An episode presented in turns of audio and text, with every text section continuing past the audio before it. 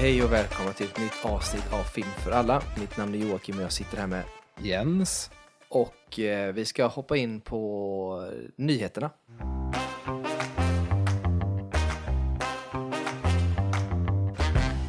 Ja, och eh, de nyheter, eller nyheter och nyheter, men det vi har idag är egentligen den eh, fantastiska nyheten. Vi kan börja med den här för den är lite cool för oss båda egentligen. eh, Sådär. Det är ju att det ska, efter den stora succén med Super Mario-film så kommer nu då ytterligare en film från Nintendo och det är ju då Zelda. Ja. Ja, och då tänker man, vad var dina reaktioner på detta? Mina reaktioner var direkt bara ett flashback tillbaka till när jag var jätteliten och jag kommer ihåg att eh, du och jag satt i ditt rum. Det här tror jag är typ A Link to the Past-tider. Det är det garanterat. Eh, ja. och att, eller om det precis var i samband med att Ocarina hade släppt, men vi satt och pratade om vad en Zelda-film skulle vara. Det var typ, jag bara fick den flashbacken så fort jag läste det, jag bara oh shit. Um, alltså jag är, Zelda är ju typ det enda egentligen så här, spelfranchisen jag följer och har gjort sen A Link to the Past i stort sett. Ehm, så jag är exalterad, jag är glad över att det var live action. Jag tror att det hade funkat jättebra som en anime också, eller 3D-animerat eller någonting. Ehm, men jag tror att det kan bli liksom lite mer mainstream globalt på något sätt med en live action version, tror jag. Ja, ja, det är det som gör den hela, eh, alltså både spännande men också som gör den lite orolig är just att den är live action. Eh, för sett till hur Super Mario-filmen var som inte är live action så blev den positivt mottagen och vi tyckte att den var bra båda två. Eh, men nu blir det någonting annat och jag tycker ju ändå någonstans att vi har ju sett ganska bra eh, liksom adaptioner av sånt nu. Det känns som att många, många har lärt sig av misstagen man har gjort. Jag, jag tar exempel på Dungeons and Dragons-filmen som kom. Är, den, är, den är bra, den, liksom, sett till vad den, har, liksom, vad den är ja, egentligen.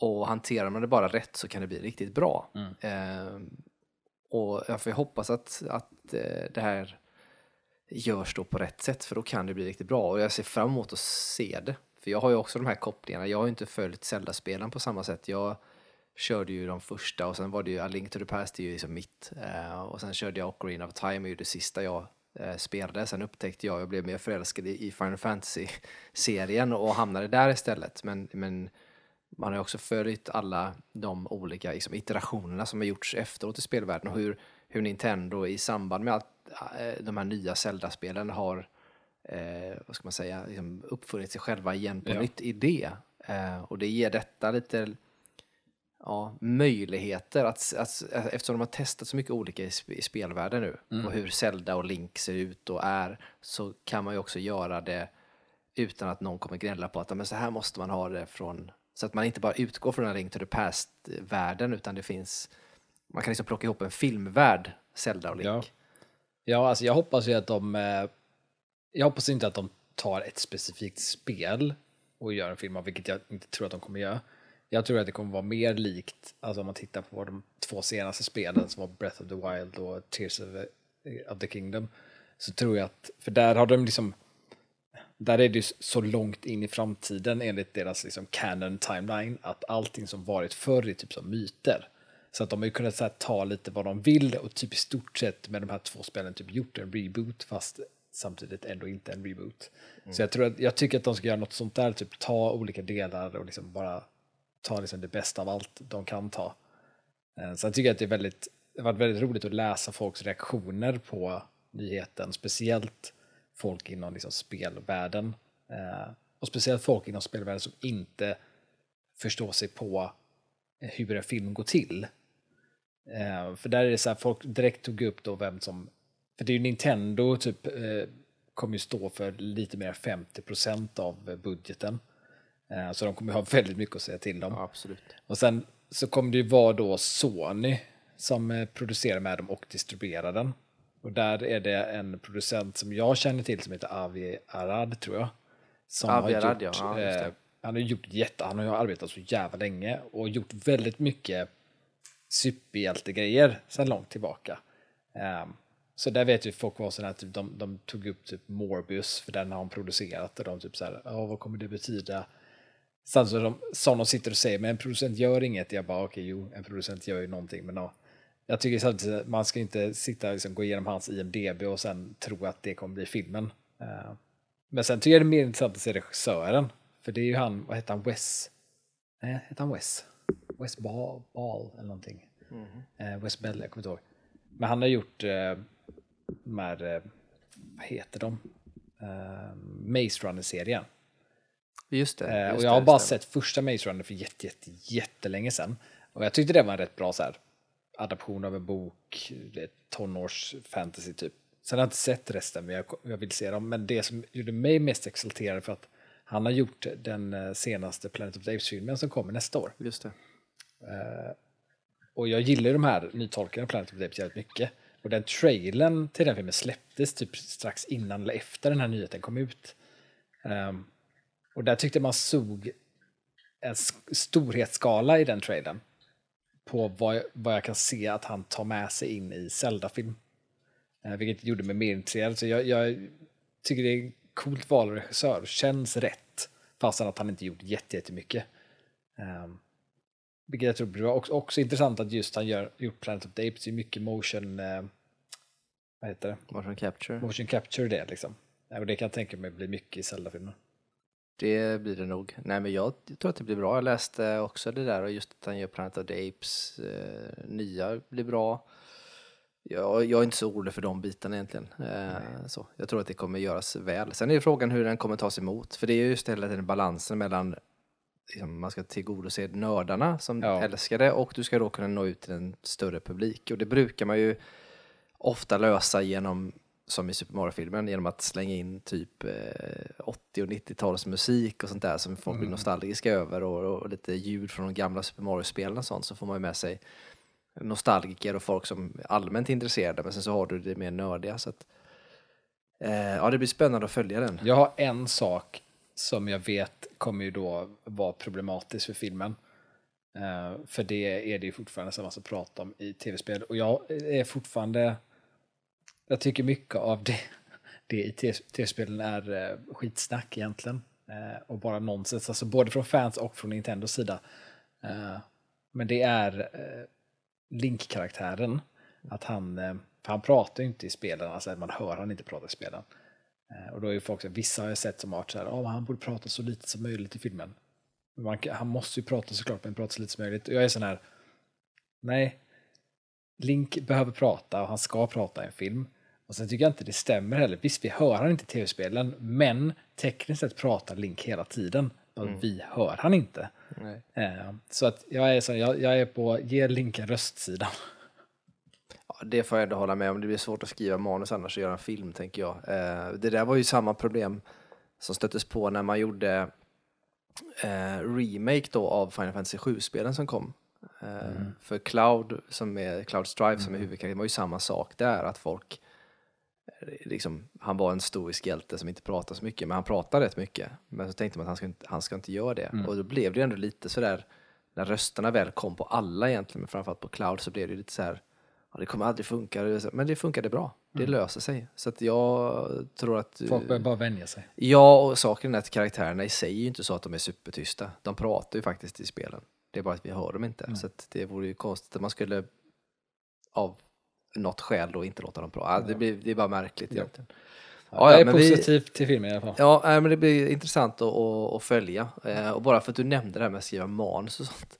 Eh, det var inte något vi skulle ta upp nu egentligen, men så kom jag att tänka på det. Det var just det här med att det eh, har ju kommit fram eh, rykten i alla fall, jag vet inte hur klart det är, men som ska skriva manuset till nya Bond-filmen.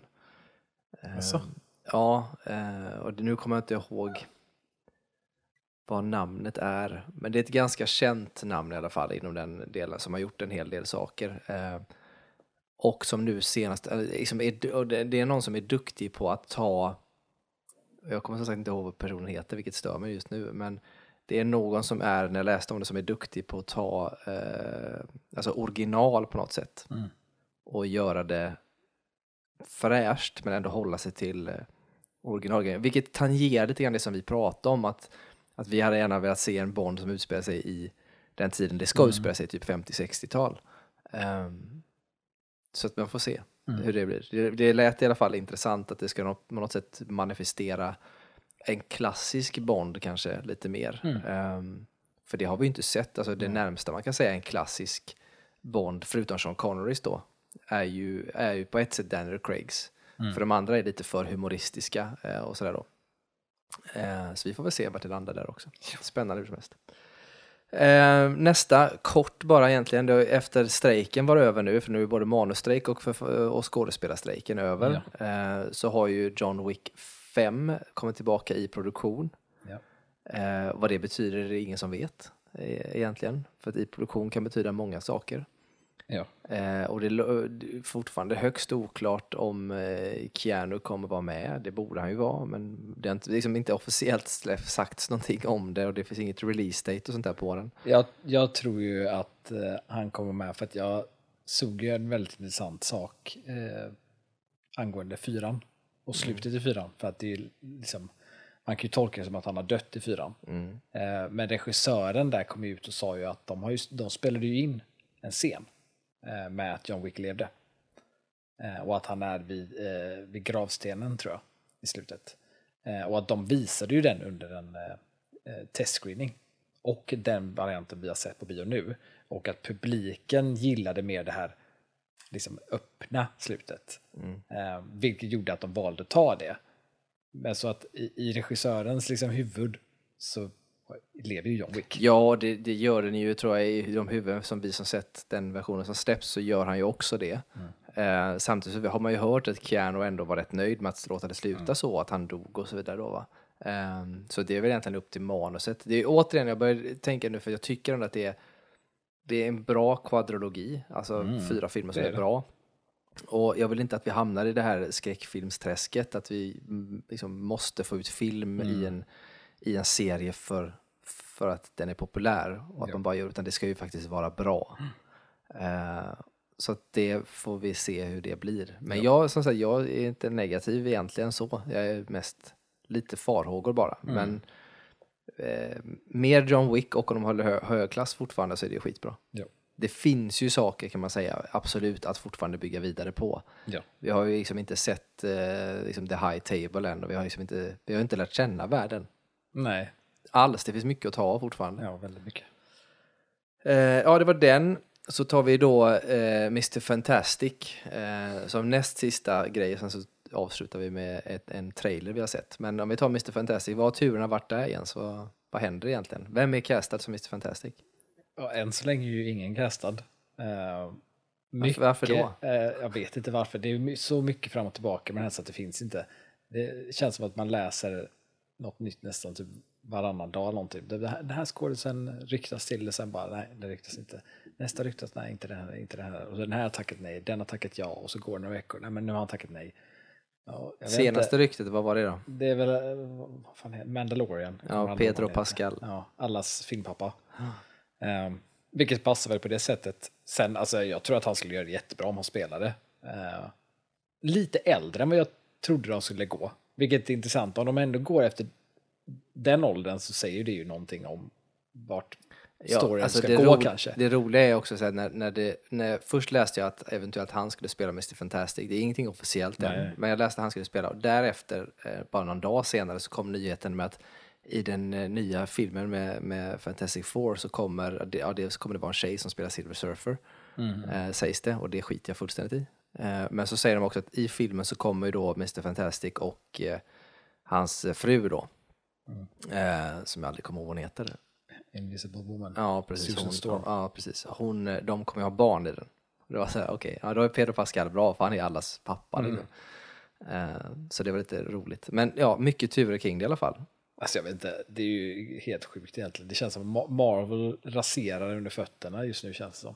I allmänhet. Och jag tycker bara det här Fantastic Four-strulet bara ösa på. Ja, men precis så är det ju så. För det, det har ju ändå ryktats, de som kastas i de andra rollerna, det är inte heller officiellt ännu, Nej. men det har ändå cementerats några namn Ja. som verkar hyfsat klara och sådär. Men just Mr. Fantastic verkar vara svår. Jag menar ryktena som först sa, alltså vi har haft Ja, det var ju då såklart eh, allas våran eh, eh, Jim Halpert, alltså John Krasinski, som ryktades först eftersom han spelade det i, i eh, eh, vad heter den? Eh, Doctor, Strange 2. Ja. Eh, men det blev ju inte och sen så ryktades det ytterligare någon som inte kommer ihåg vad det var och sen så kom Matt Smith in på något hörn, alltså det gamla Doctor Who för att, för att den förra skådespelaren som inte kommer ihåg vad det var, var lite större som lönen gick inte upp och så fick Matt Smith och sen så backade han och det verkade massa strul kring både liksom själva ersättningen för skådisen Mm. som ska vara i det, men också annat vad jag förstår. Och jag vet inte vad det andra skulle kunna vara, men jag tänker mig att det handlar lite grann om att man binder upp skådisar för ganska lång tid. Ja. Eh, och att det är kanske inte så många som är jättepigga på det. Pedro Pascal är väl en sån som jag kan tänka mig kanske kan vara pigg på det, för att han känns som att han, han, han gör det liksom om han, Ja, alltså han, han, det känns väl som att det skulle... han är rimlig. För, liksom. ja, jag tror också eftersom han ändå har alltså så pass starka connections med Disney via Star Wars där också så kan det ju ofta bli att man liksom vill ge och ta lite grann och vara schysst och sånt. Eh, men sen ofta med de som har varit eh, igång i det här casting innan det var strejk och allt det där så var det ju ofta, vilket är alltid en, en sak man säger när någon slutar eller hoppar av, är ju så här creative differences. Men det sa det av flera eh, som gjorde det, vilket egentligen kan betyda vad som helst. Men det är också, då är det ju någonting som inte klaffar liksom, mellan vad Oden och Marvel vill ha utav det och vad skådisen vill ha.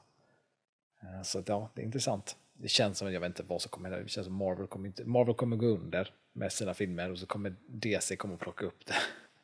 Och så kommer Ja, DC få ja. sin era. Det är ju det som är, ja undrar om det är, nästan känns lite så för att det ser man ju nu för den här nya som kommit nu, Marvels, Marvels ja.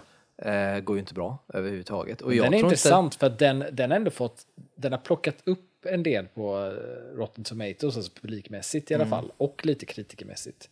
Så jag tror att det är massa faktorer inblandat. Jag tror inte den filmen är så dålig som Inte, nej, verkar. nej, nej, det är Så precis det är så mycket runt omkring. Nej, men det är precis det jag vill komma till, för jag tror inte att Marvels är dålig egentligen. Jag tror att den kan vara rätt bra och intressant att se, men jag själv känner ju att jag har inte varit så här, åh nu kommer den, ska gå och se Nej, den. exakt. Och jag tror att många känner likadant. Man är liksom trötta den här superhero fatigue-grejen som kommit. Och det är ju lite grann, jag tror ju inte riktigt på att, det är klart att det finns en, en, en fatigue på superhjältar kanske, men jag tror mer det handlar om att göra hur man berättar om dem. För det vi Ja. pratat om innan, att det blir mycket mer intressant när man berättar den mer personliga storyn och sådär. Ehm, så att jag eh, tror sagt att den är säkert bra, men de har ju som sagt inte lyckats med någonting. Alltså jag tycker att Marvels kanske är bra, det får man ju se när man ser den, men sen finns ju egentligen en bra serie de har gjort hittills och det är Loki, även säsong två, den är ju, det är ju bra. Det är ju bra på riktigt liksom. Men det behövs inget mer egentligen. Förr i tiden så var det ju så att du hade kanske en serie eller max som du skulle följa. Nu har det varit så många serier och filmer och så, som inte lett någonstans. Ja. Loki ledde ju faktiskt någonstans, men det, ja, det, det blir nog svårt att plocka upp de här bitarna. Det känns lite grann som att det kommer inte spela någon roll hur bra filmer de än gör framöver, för att de eh, är, är eh, körda just nu Ja. på något sätt. Men nu började, läste jag också i- idag, eller om det var igår, att Shang-Chi 2 har börjat också produktion. Eller ska börja. Eh, återigen tror jag inte någon känner sig hypad.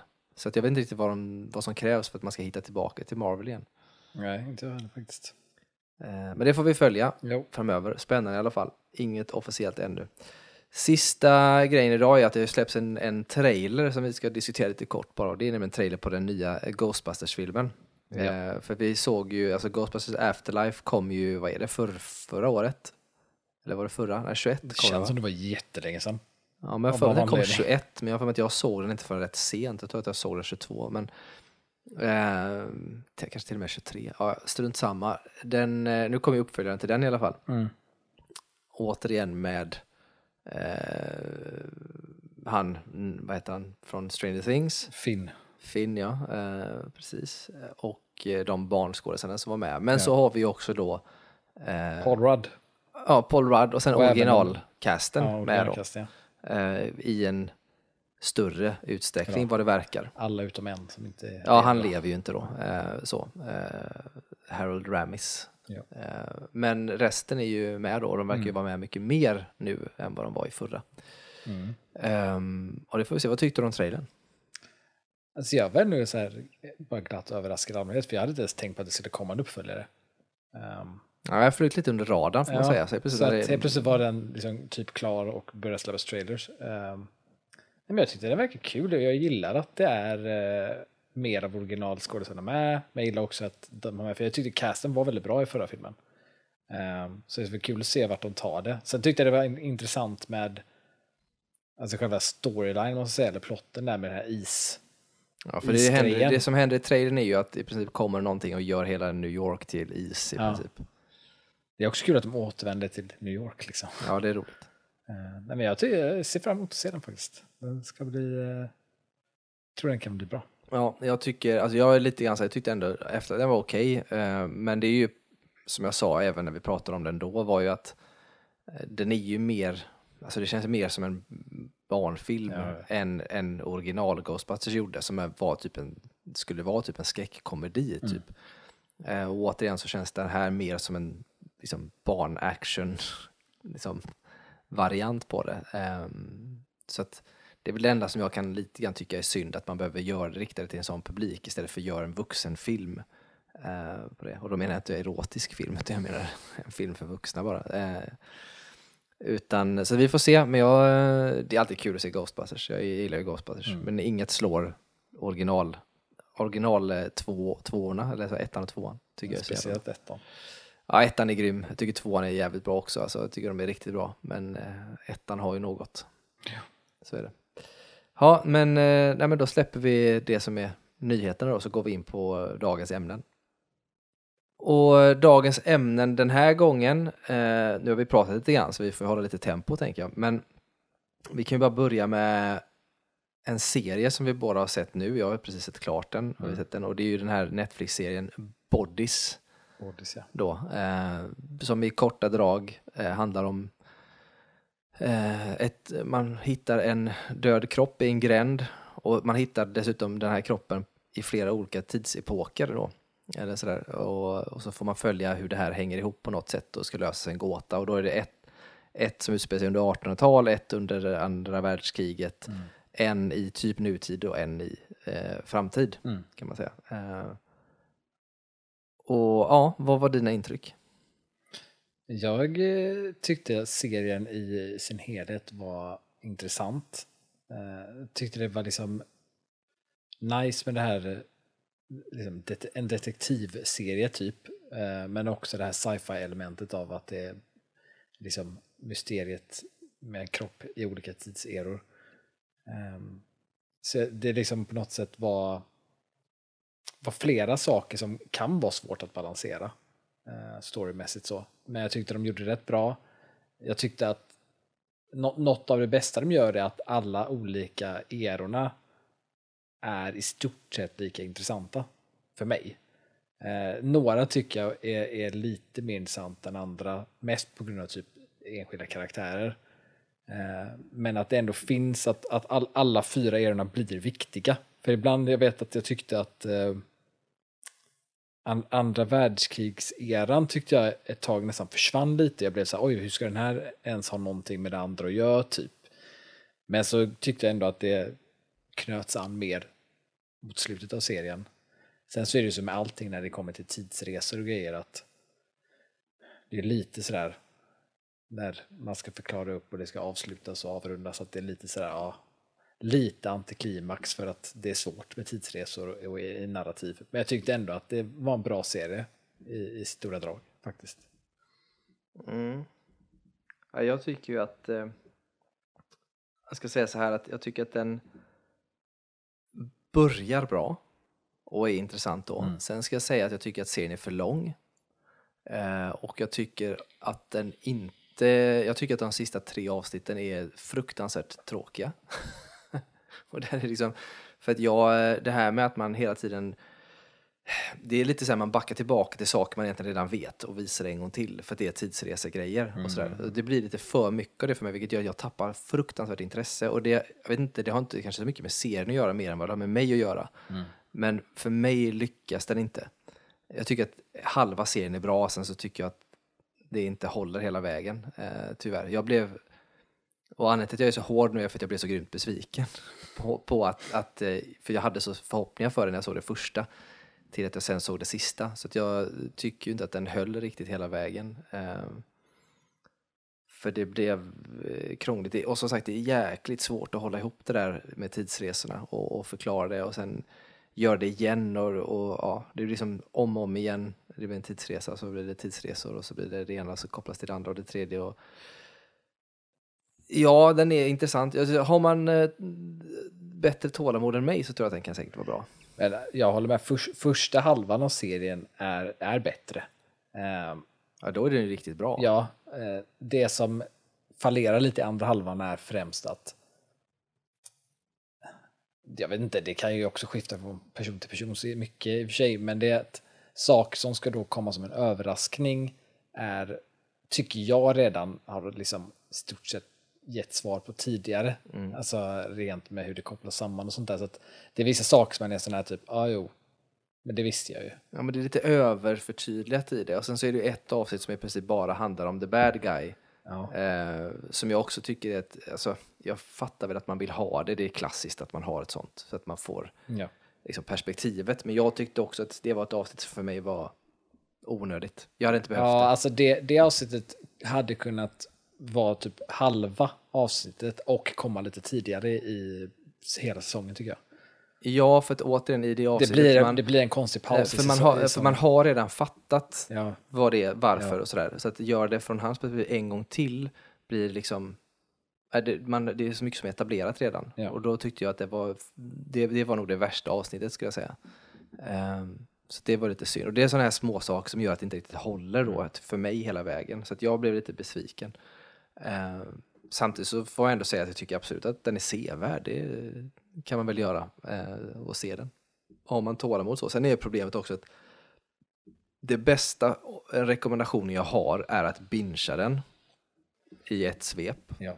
Eh, jag gjorde ju misstaget att jag såg de första sex eller fem eller sex avsnitten först och sen så blev jag, hade, hann jag inte se mer, jag hade eh, annat att göra, vilket gör, gjorde att när jag kom tillbaka sen så kändes det ännu trögare att komma in igen. Ja, men det kan jag tänka mig. Eh, och då blev det ännu större, liksom besvikelsen blev ännu större då. Så tror att ser man den i ett svep så tror jag det är lättare. Det är lite grann som i, i serien eh, som vi pratade om innan som gick på Prime, den här eh, The Peripheral. Mm. Eh, samma sak där, som den ja. är bättre att bingea. Binge, för att missar man någonting där eller inte följer hela vägen så tror jag att man skulle uppleva ungefär samma mm. sak. Mm. Ja. Um, så det är, en, det är en rekommendation om man ska se den, att man tittar ja, på den i ett svep. Den känns väldigt designad för att bingeas. Ja. För det slutar alltid som att typ, du, nu måste man se nästa. Liksom. Ja, precis. Ja. Eh, så att det, det och att sluta det. just typ, du, du verkar ha fått en paus där, det är typ det värsta stället i serien. Ja, det var ingen höjdare alltså. Och det får jag ju ta på mig. Samtidigt så är det ju också skaparna till det måste ju, måste ju anpassas också. Ja. Så att, eh, men om vi ska, sätta, vi ska sätta någon typ av betyg på det, vad säger du? En stark sexa. Okej, okay, jag sätter en femma på den. Eh, det betyder ändå att man kan se den, mm. men det, för mig är det så. Eh, bra, vi, jag tänker att vi hoppar in på, vi tar den mest intressanta sist tänker jag. Så mm. vi tar och hoppar in på den som du har sett men som jag inte sett då, det är en dokumentär. Mm. Eh, den här gången så är det också en, eh, en, en biografi, alltså en dokumentär, mm. men inte om, det är en muskelknutte men det är inte Arnold. Exakt. Utan denna gången så är det Sylvester Stallone och dokumentären yeah. Sly då. Yes. Jag har inte sett den själv, men vad, vad var dina intryck av, av Sly? Um, Alltså dels var det, ja, den hade ju lite så här att, att, äh, att eh, så här, leva upp till på något sätt eftersom att jag tyckte Arnold-dokumentären var så bra. Och Arnold var ju tre delar, det här var ju bara en. Äh, så den var ju en, en och en halv timme lång. Mm, tror jag. Mm. Men jag var lite så här, jag, jag har aldrig varit ett jättestort Sylvester Stallone-fan egentligen så. Och, och, och, jag var med, det var därför jag ville se den, just för att jag tyckte Arnold var bra. Så var jag så här, men då ville se vad, vad för typ av dokumentär det här blir. Liksom, och att den heter Sly, då ska det ju handla om Sylvester Stallone. Um, och jag tycker att dokumentären i sig, som liksom, hur de bygger upp den och hur den är, är liksom välgjord och, och bra och rätt intressant. Det för mig dock, det faller lite i att jag tycker liksom inte riktigt att det handlar om Sylvester Stallone. Um, utan det handlar om Rocky och det handlar om Rambo i stort sett. Främst Rocky. Och så slänger man lite Rambo här och var. Och så, och så en, en liten nypa salt av Expendables. Typ.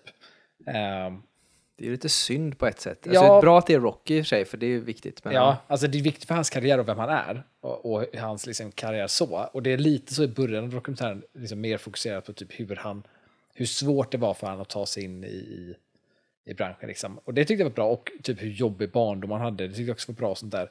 Men det, den blir lite, alltså vad ska man säga, det, det, den blir lite så här,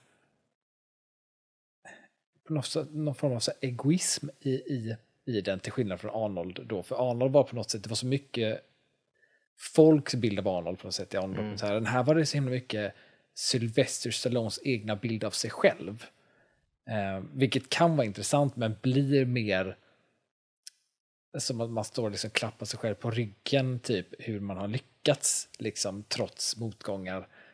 Ehm, och, och, att det är så mycket, alltså det är små saker som bara känns som att, att han känns lite för pretentiös. För det är så ofta han pratar om sina filmer och så kan han än idag typ alla repliker, typ Rocky sagt. Och jag blir sån här typ, ja, hur, hur ofta har han, det känns som att saker han säger är, är saker han har sagt tusen gånger liksom. I andra så. sammanhang typ. till hans försvar så är ju Rockys repliker ganska Ja, begränsade. ja, ja, det är de. Eh, och sen så hjälper det inte heller att, att visuellt, för att han i, i, vilket är synd att de inte tar upp mer, för han flyttar från LA till New York, så tillbaka till där han är, liksom är ifrån. Och det tycker jag ändå de kunde lagt lite mer fokus på, liksom, varför han flyttar. Han nämner lite grann, men inte jättemycket. Um, men, så man ser liksom hur huset packas ihop. Och det är så mycket, alltså, vet, statyer på Rocky. Du vet, hans polare har han rock Rocky, i hans kontor. Alltså det är så mycket av det är filmgrejer. Och jag fattar så här, det, det, det är väl klart att man har grejer liksom från sin karriär. Men det känns för mycket. Alltså, hur många ansikten på sig själv kan man ha?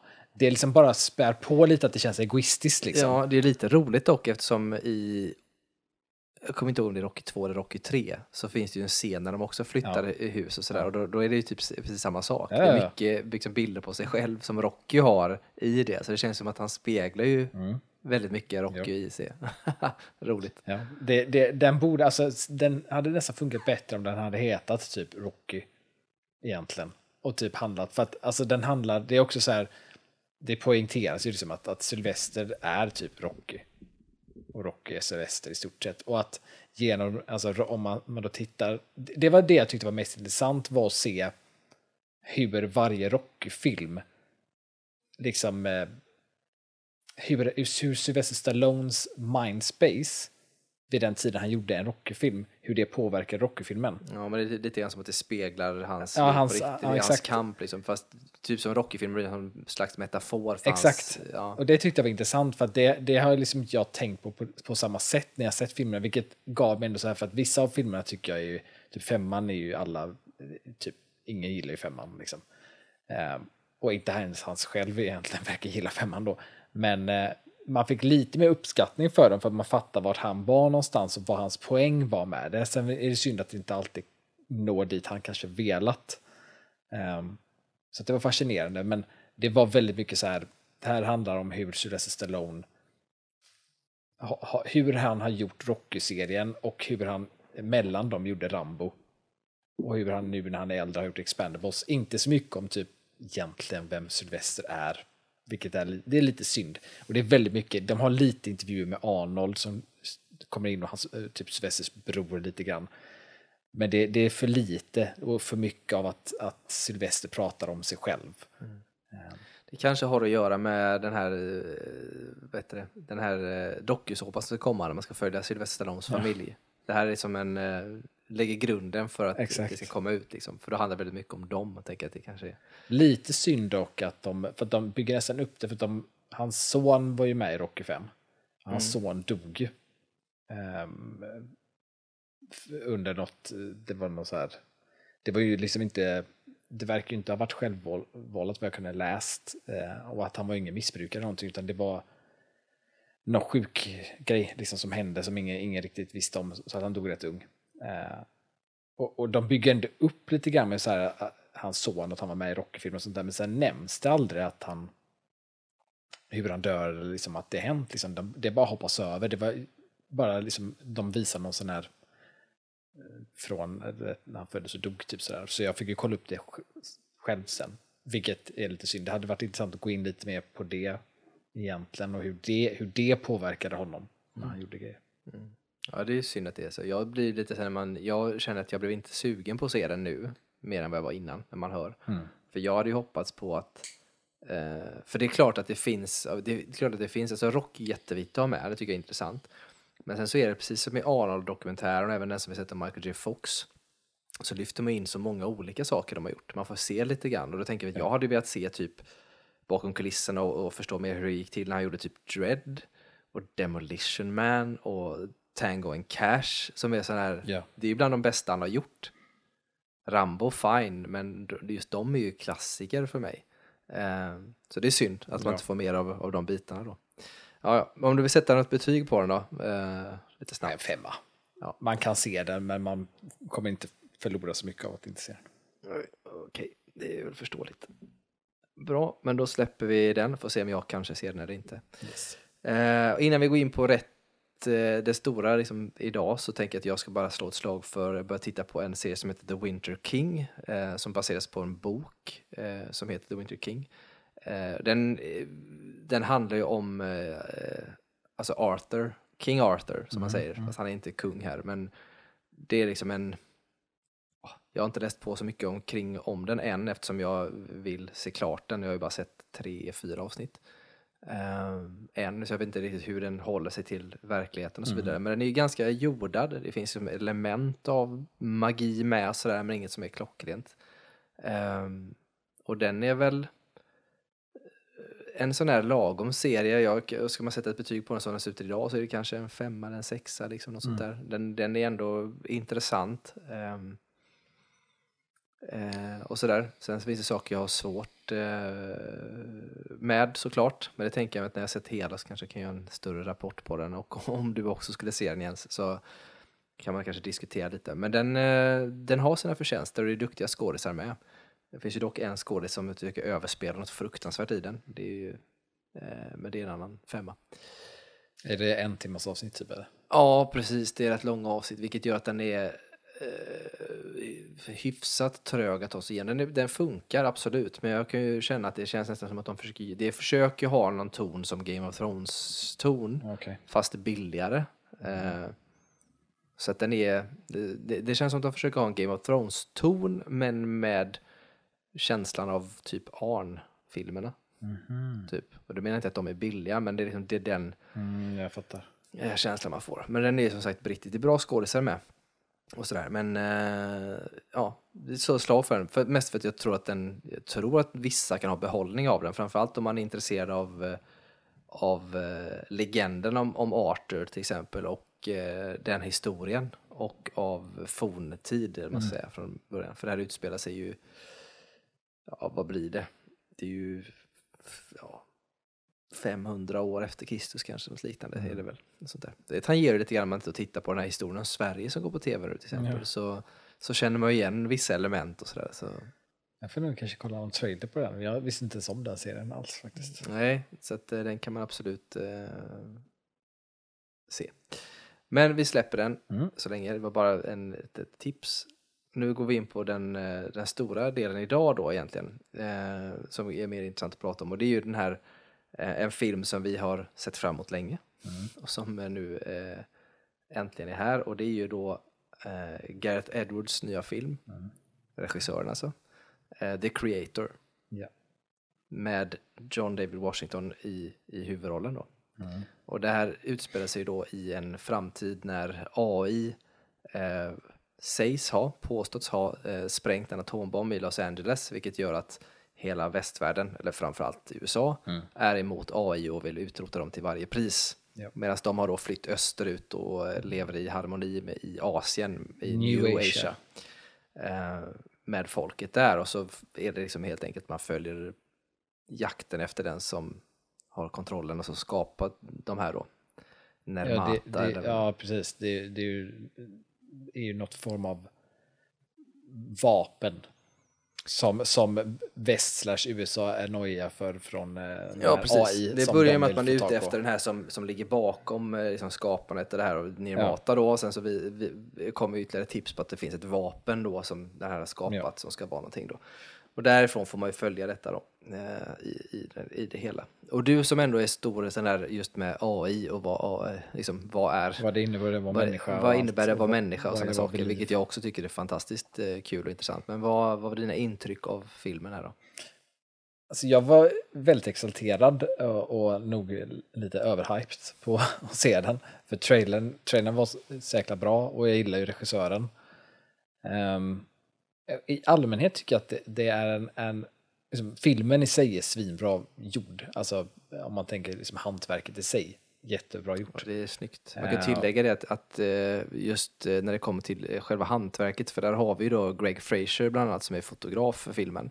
Eh, har gjort Dune och Batman-filmerna, alltså där, och han har gjort lite allt möjligt. Sådär. Eller eh, senaste Batman gjorde han tror jag. Eh, sådär. Och, så han är ju duktig liksom, Ja. eh, på riktigt. Och jag tycker liksom att, att själva världsbyggandet är bra. Det känns liksom som att, eller man fattar liksom vilka, vilka som är vilka och, och vad de vill ha ut av det och allt sånt. Och, och liksom designen på det är snyggt och sånt. Ehm, det känns som liksom en värld som känns liksom rimlig för vad det utspelar sig i liksom, på något sätt. Och Ehm, coola miljöer. cool, jättecoola miljöer. Och, och coola, liksom, vad ska man säga, liksom fräscha tolkningar på vissa saker när det kommer till teknologi, liksom, vilket är coolt. Um, däremot så, jag vet inte, storyn i sig föll lite platt för mig. Uh, vilket var lite tråkigt, typ just för det är verkligen så här typiskt sådana grejer jag brukar älska att se. Um, jag tror jag, jag satt efteråt och var så här, vad är det som inte riktigt når upp för mig? För jag kunde inte riktigt sätta fingret på det.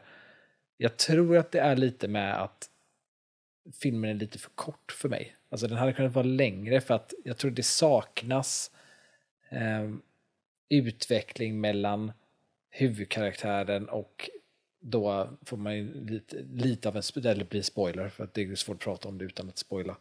Ehm, Ja, eller man kan bara säga barnet. Ja, barnet som han då har inte bra känslor mot i början, men då utvecklar, ska utvecklas. Och den utvecklingen, det är inte det att den kanske går för fort, det är bara att den blir inte riktigt motiverad, tycker jag. Eh, lite som att man, ja, det är lite som att det, det för han är så fokuserad på sin fru hela tiden. Eh, Som han försöker hitta. som han försöker hitta, ja. Mm. Ehm, och, och, och det känns som att man hade kunnat knyta an mer, till, mer mellan honom och barnet och, och, och ge ännu mer alltså, anledning och motivation till varför han gör som han gör i slutet. För, att det blir, för mig blir det något konstigt hopp därifrån, du vet, när han är uppe i bergen eh, vid de här munkarna. Mm. Eh, och så, och så få- fångas ju barnet där. Och därifrån till det, när man kommer tillbaka till LA. Det blir det, dels ju tidshopp då i filmen. Ehm, och sen så sitter jag ju där och, och är medveten om att det är ju eh, såklart inte att det blir så här, det kommer ju vara på något annat sätt. Men typ däremellan känns det som att det borde varit något mer som hänt. Eh, och, och det känns verkligen som att det har funnits någonting. Det känns som någonting är bortklippt nästan. Eh, som att man kanske har varit lite, man har velat kapa ner filmen. Jag vet inte, men det är någonting där som, som fått det att inte bli riktigt så bra som jag hade hoppats att den skulle vara. Mm. Jag kan förstå det. Faktiskt. Jag tycker som sagt att vi har ju Greg Fraser, skitbra fotograf, Gareth Edwards, bra regissör. Musiken är gjord av Hans Zimmer, vilket är också Musiken är väldigt bra. fantastiskt bra. Eh, sen tycker jag ju, om man ska vara sån så tycker jag att musiken den är väldigt, väldigt bra. Men den lever inte upp till eh, vad jag tycker att Hans Zimmer kan leva upp till. Eh, det alltså, han har ju ändå gjort typ Time från Inception. Alltså det är alltid min måttstock när det kommer till Hans Zimmer-musik.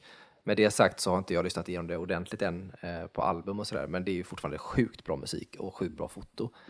Eh, och bra i övrigt. Jag tycker filmen var svinbra. Men, eh, men jag håller med dig i just den biten. För jag tycker också att, jag vet inte om man ska uttrycka det som att svängningen som han gör går för fort. Eller vad det än kan vara. Men det är någonting där som gör, för jag var, satt och tänkte det när jag såg den också, att, det, att jag lite grann nästan försökte övertala mig själv. Att, men jag förstår att han gör så. Alltså, Ja, exakt. Ja, men jag men jag fattar att han, han så. Men eh, jag håller med om att det hade inte skadat att ha filmen kanske en halvtimme längre Mm. eh, med fokus på det, de bitarna. För det är det jag tycker görs väl om man ska jämföra med typ en film som Avatar, både första och andra, Mm. där de är rätt långa.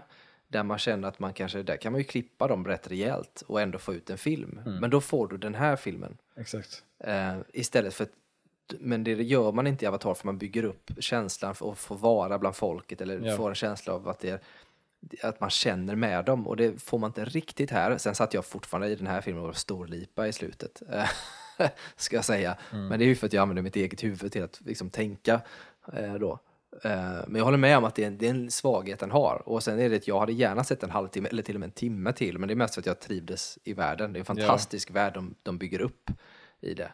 Eh, men just den lilla detaljen är, kan vara lite, den skaver lite, gör det, helt klart. Jag tror också lite för mig var det, alltså man spenderar för lite tid eh, med maskinerna så att säga och alltså vad ska man säga, bad guys i USA då i väst. Liksom att, att vi, vi, det sägs till oss vad, vad deras ståndpunkter är. Vilket alltid är tråkigt i film att, att säga vad det är. Det är mer intressant att visa vad det är. Ehm, så, så det blir väldigt så här övertydligt, typ att ja, väst, väst är dåligt och New Asia är, är bra och eh, robotarna där är bra och de, de liksom sådär. Men, men det blir lite så här, ja, men jag hade liksom gärna velat liksom få leva med lite grann och liksom förstå hur de faktiskt är istället för att man säger hur de är. För att visst, USA är onda liksom i, i filmen, men det är så här, det är ju obviously verkar ju vara någon form av konspiration kring vad som hänt. Och det hade varit lite mer intressant att, att hitta liksom karaktärer på den sidan som kanske då hade varit lite mer gråa och inte så svarta i det. Eh, Nej, men jag håller med. så det är, Jag- lite, det är lite, som att det, det blir li- lite för ytligt på något sätt ibland. Fast det fanns som potential för att det skulle kunna vara Ja, djupare. men jag kan hålla med dig. Jag tycker också, för jag satt och tänkte på att det är ju ganska, alltså, det, det, USA, för jag tänkte så här, tänk om du är amerikansk medborgare och sitter och ser den här filmen. Och så tänker jag att det är klart att, jag menar, jag hade kunnat liksom förstå om jag var svensk och vi hade varit de som var bad guys här, så hade jag också bara köpt att men det är så det är, det är inte konstigt. Huvudhjälte, alltså hjälten är fortfarande också amerikan eller så här. Ehm, men jag satt också och tänkte på att, och det är ju lite grann i världen vi har nu, när vi har Israel och Hamas-krig till exempel, och vi har Rysslands liksom, fullskaliga invasion av Ukraina, och alla de här sakerna som sker, så, så känns det ändå som att det är inte alltid så lätt. Det finns bergar, det finns andra människor där i också. Och i filmen får man vid ett tillfälle se en stor demonstration i USA. Väldigt kort som bara sveper Ja. förbi. Och då tänker man att man hade velat se mer av det, för att runt det här, det de gör är så, ska man säga, folkrättsvidrigt. Nu är det ju inte folk utan AIs, men det är ändå många som dör i valet. Vilket gör att man har inte kommit undan. I världen som är idag så kommer man inte undan med det. Och det gör man inte i framtiden heller förmodligen. Och det ser man ju att det, det gör de inte. Men man hade, man hade ju velat djupdyka lite mer i den delen också. Eh, i, I de här Ja. som finns på den amerikanska sidan och demonstrationerna som sker förmodligen runt om i FN och runt om världen i detta. Och hur man kanske då diskuterar AI-frågan på en annan nivå. För det är ju garanterat människor som inte håller med USA om, om vad de gör. Ja. Eh, men det får man inte följa. Vilket återigen är lite synd, för det hade man gärna velat ha mer av. Så att, eh, jag håller med i det också. Eh, så. Sen är det lite, jag tyckte att, jag tycker eh, huvudkaraktären, alltså jag tycker han gör ett bra jobb, skådisen där. Eh, vad han nu heter. Jag glömmer alltid bort vad han heter. John David Washington. Det är John Washington. Eh, jag tycker han gör rätt bra. Jag tycker karaktären är lite, är lite platt. Det är lite så här, för han är ju, han är ju från USA så han hatar ju robotar. Men, och, och man säger då att ja, hans, var det hans bror, hans mamma och pappa eller vad det var, dog i den här attacken. Och sånt där. Så att man så här, säger återigen varför han hatar dem. Eh, men hans fokus så mycket i filmen är ju bara det här med hans fru. Eh, så hans fokus ligger ju inte i robothatandet i sig. Vilket för mig var... Det var svårt för mig att liksom köpa att han skulle avsky dem egentligen så mycket som, som han säger att han gör. Eh, Just för att vi får liksom inte se det så mycket. Och jag tror också det är det som gör med barnet där. Hade vi, hade vi fått ännu mer förtydligande och ännu mer fördjupning i, i vad han faktiskt tycker om maskiner och inte lagt så himla mycket fokus på att han vill bara hitta sin fru så hade barnet och hans relation gjort mer tror jag. Ehm, för det blir lite så här typ, ah, jo jag vet att han hatar robotar men han verkar samtidigt säga i filmen ändå se dem som individer medan vissa som är från väst ser ju dem inte ens som individer. Och det lilla de gör med det är ju i början där med en scen där med den här som vaknar upp i skrottippen där med roboten. Men det var också sådär, det kändes som verkligen såhär, här sätter vi in en scen bara för att visa att han inte ser dem som, som levande. Ja. Men samtidigt tycker jag så fort han är därifrån, han är i New Asia, så tycker jag ändå att han beter sig runt maskinerna som att de är individer. Ja, han är, också, han är ju också infiltrerat då, så han har ju levt med de här. Ja. Han, han kan väl det. Men samtidigt, jag håller med. Det är, det är återigen en sak som jag gärna hade sett mer av. För det är vid två tillfällen, han själv säger det i början, den här roboten på skoptippen som reagerar. Eh, och han ja, tar livet av den då, eller vad man säger. Eller offar den. Och eh, säger då till den här andra som blir lite panikslagen, hans kollega bredvid, alltså, it's just programming. Samma sak säger ju en soldat till honom senare, sen it's just programming. Eh, och det kan man ju liksom diskutera rent filosofiskt, eh, för är vi inte programmerade och så vidare. Men, eh, men just den, den hjärntvätten av att man ser det som att det är bara programmering hade ju också varit intressant att se mer av. Ja, Alltså- det hade varit jätteintressant att se. Hur, hur de här förmodligen, eller de här soldaterna förmodligen då blir hjärntvättade till att tänka på ett visst sätt och, och hantera på ett visst sätt. Och sådär. Så att det, återigen så är det att det glider över lite och det är väl för att det ska bli det är ju för att vi älskar ju att när det blir lite mer det filosofiska och det Ja, ja. djupa som det är så. Rent krasst att man ska ha en, en lättsmält actionfilm så fattar jag att det funkar. Men man saknar det ändå. Sen var det ju även hans eh, vän slash eh, kollega där, du vet, som var med i början, som vill varna honom där. Eh, han dyker upp sen då, och då är, lever han ju i New Asia där och, och typ eh, håller på och fixar maskiner och grejer och robotar och sånt. Och det är också en sån där grej som jag var så här, ha. Varför, eller hur gick det till? Liksom, han Ja. var ju också militär och, och hatade Ja, maskiner. det det till? var så här, jag hade bara velat veta Ja, hur, hur hamnar, sig- han, hur hamnar han där? Ja, hur hamnar han där och hur kommer det sig att han då, vad det verkar eh, i det här då, faktiskt är förälskad i en, En maskin, en, ja, maskin eller i En. AI, eller en simulant som de säger då. Eh, Det hade också varit mer, alltså, också intressant att veta mer kring de bitarna. Att han på, på något sätt, eh, jag vet inte, in, inse att hans kompis också har blivit förstått bättre. Ja, för att han säga. vet ju att han är där också i den stan. Vilket är så här, okej, jag vet inte riktigt varför han vet det egentligen. Kanske.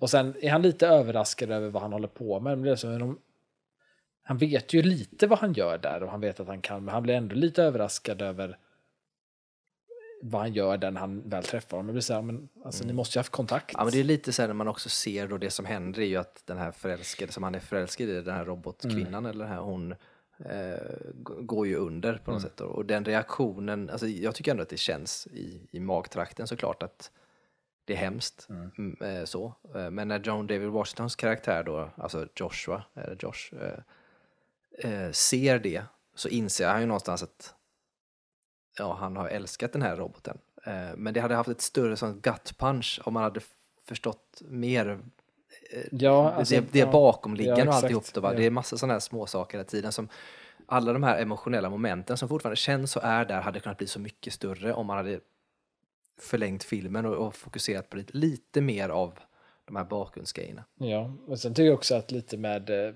den där eh, hustru-storylinen med hur det eh, slutar, och då menar jag inte slutslutet utan hur det slutade i bergen Mm. med vad han behöver göra och allt det där.